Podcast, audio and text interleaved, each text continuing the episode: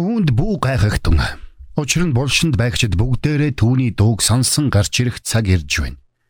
Сайныг үйлдэсэн нь амийн амьлалд, муу мухайг үйлдэсэн нь ялын амьлалд байх болно. Йохан 5-ын 28-аас 29.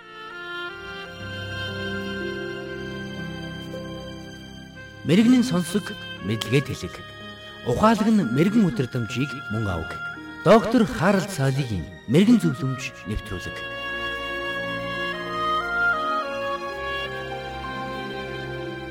Хүүгээ 19 нас хүрэх үед нь тэд түүнд хүссэн сургуульд орохдод саад хийж худалдааны сургуульд оруулж орхижээ. Гэвч энэ цагаас эхлэн хүүгийнх нь зам уруудаж эхэлсэн байна.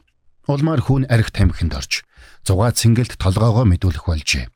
Тэр үүнийг надад сайхан байдгийм хэмээн тайлбарлсан байна. Түүний гадаад байдалч өөрчлөгдөж эхэлжээ.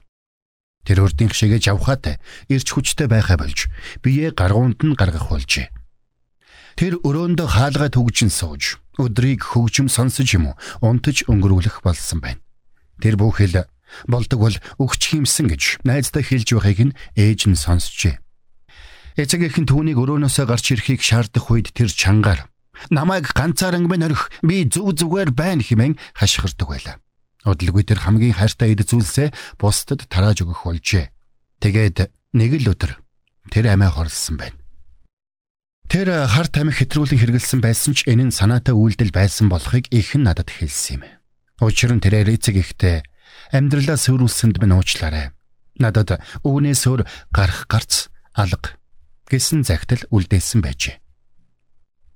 Энэхүү эмгэнэлт үйл явдлын дараа түүнийг таньж мэдэх хүмүүс бүгд гайхаж тэр яаж ийм зүйл хийж чадва? Түүний амьдралд хэрэгцээтэй бүхэн байсан шүү дээ. Нэг л зүйл болж дээ хэмээн ярьцгааж байв. Гэвч түүний үхэл үнэн хэрэгтээ гинтийнх байгаагүй юм. Учир нь түүний үйлдэлүүд бүгд түүний хийх гэж байсан зүйлийг илтгэж байсан юм. Харамсалтай нь түүнийг нь хинж анзаараагүй хэрэг. Энэ мэд шинж тэмдгүүдийг бид дэндүү оройтсон хойно нь ухаардаг. Бүх зүйл болоод өнгөрсөн хойно нь нэгэн сандаг.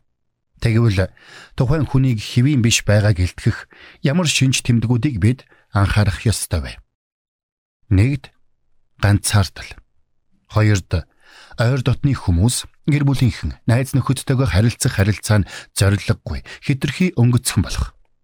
Гуравд үхлийн тухай бодолд автах энэ тухай ярих. Дөрөвд нойр хоолны хэвийн байдал алдагдах. Нэг бол хит их унтах эсвэл огт унтахгүй байх. Нэг бол хит их идэх эсвэл огт идэхгүй байх. Тавд хөгжим, сургууль, спорт, ажил гэх мэт өмнө нь дуртай байсан зүйлээ огт сонирхохгүй болох. Зургаад бусадтай харилцах харилцаанаас өөрийгөө илэрхий тусгаарлах. Долоод генет маш өгөөмөр сэтгэлтэй эсвэл хэд цэвэрч нимбай болох.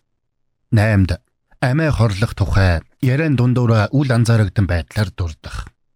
9. Сэтгэл готролд автах.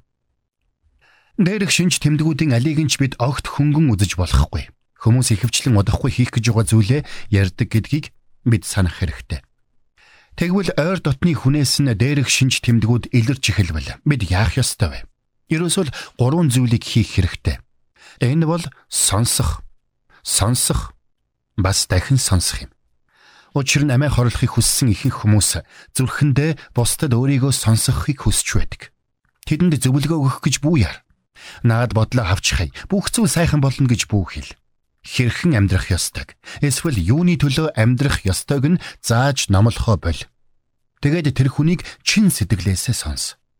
Тэр хүний асуудал таны хувьд жижигхэн мэд санагдаж байж болох ч тэр хүнийхээ хувьд маш том асуудал байдаг гэдгийг сана.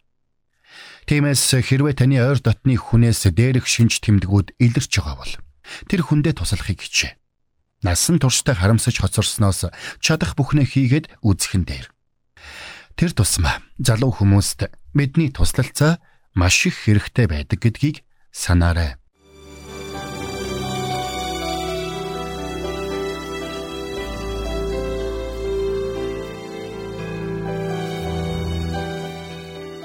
Мэргэн нэгнийг дагуул мэргэн, мулгуутай нөхөрлөл хорлол. Доктор Харалт цайлигийн мэрэгэн зөвлөмж нэвтрүүлэг танд хүрэлээ.